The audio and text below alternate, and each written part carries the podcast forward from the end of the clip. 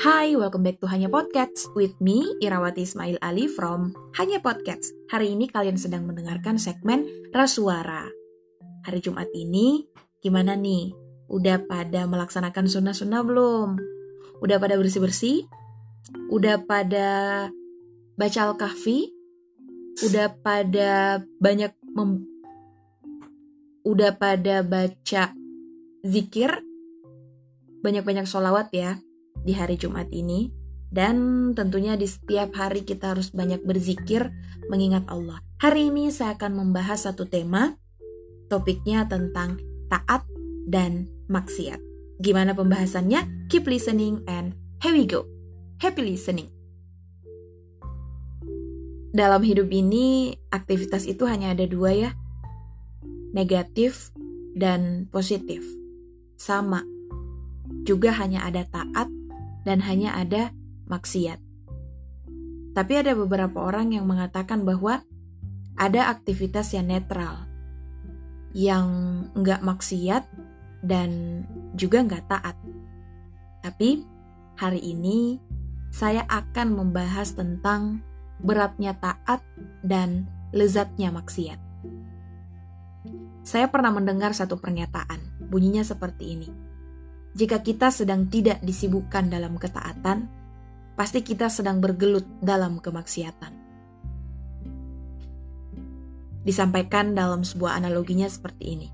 Saat lapar dan dahaga menggempur rongga dan perut kita, tak tahan melihat lezatnya hidangan dan ingin segera meminumnya.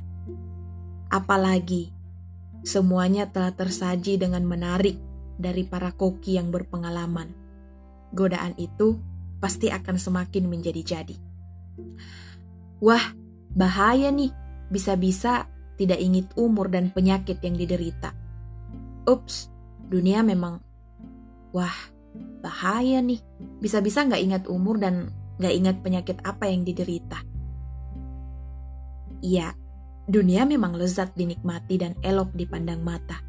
Selalu tak ada habisnya mengundang selera untuk menikmatinya di setiap sisinya.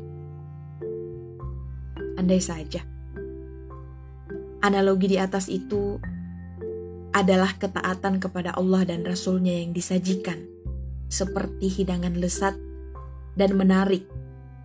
Selayaknya semua orang berkerumun, berebut untuk mendapatkannya, dan berjuang untuk meraihnya.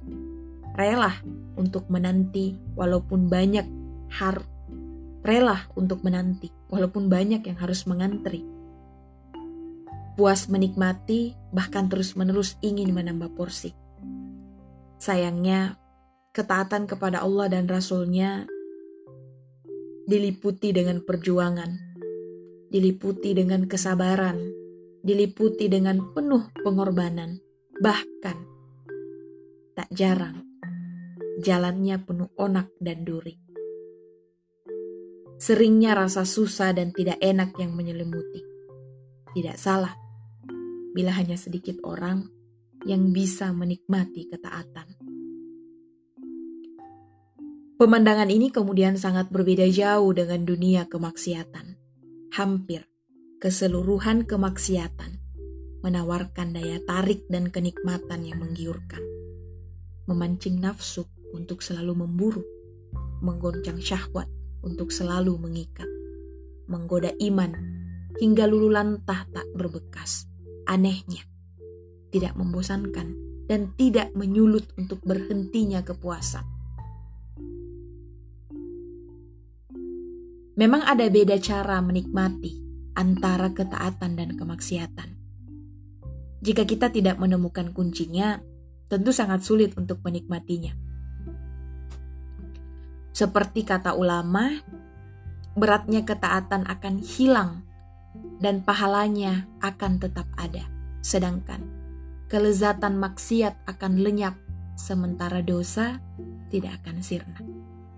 Maka orang yang berakal adalah yang memandang jauh akhir segala sesuatu. Sehingga dia akan bersabar melakukan hal-hal yang menyenangkan akibatnya dan meninggalkan hal-hal yang buruk kesudahannya. Bertindak dengan memikirkan akibat di akhir akan membuat seseorang menjadi bijak dalam mengambil keputusan terbaik. Amal pada akhirnya tidak cukup hanya ditakar dari sisi niat di awalnya. Inna ma'al a'malu bin niat. Tetapi, jauh lebih penting lagi menuju akhir yang terbaik. Husnul khotimah jauh lebih penting. Innamal a'malu bil khawatim. Beramal dalam berorientasi yang lebih baik akan meningkatkan motivasi untuk meraih prestasi dan mendapatkan ridho Allah, bahagia di dunia dan akhirat adalah pilihan orientasi sebagai muslim sejati. Bersabar dalam ketaatan itu jauh lebih baik daripada bahagia dalam kemaksiatan.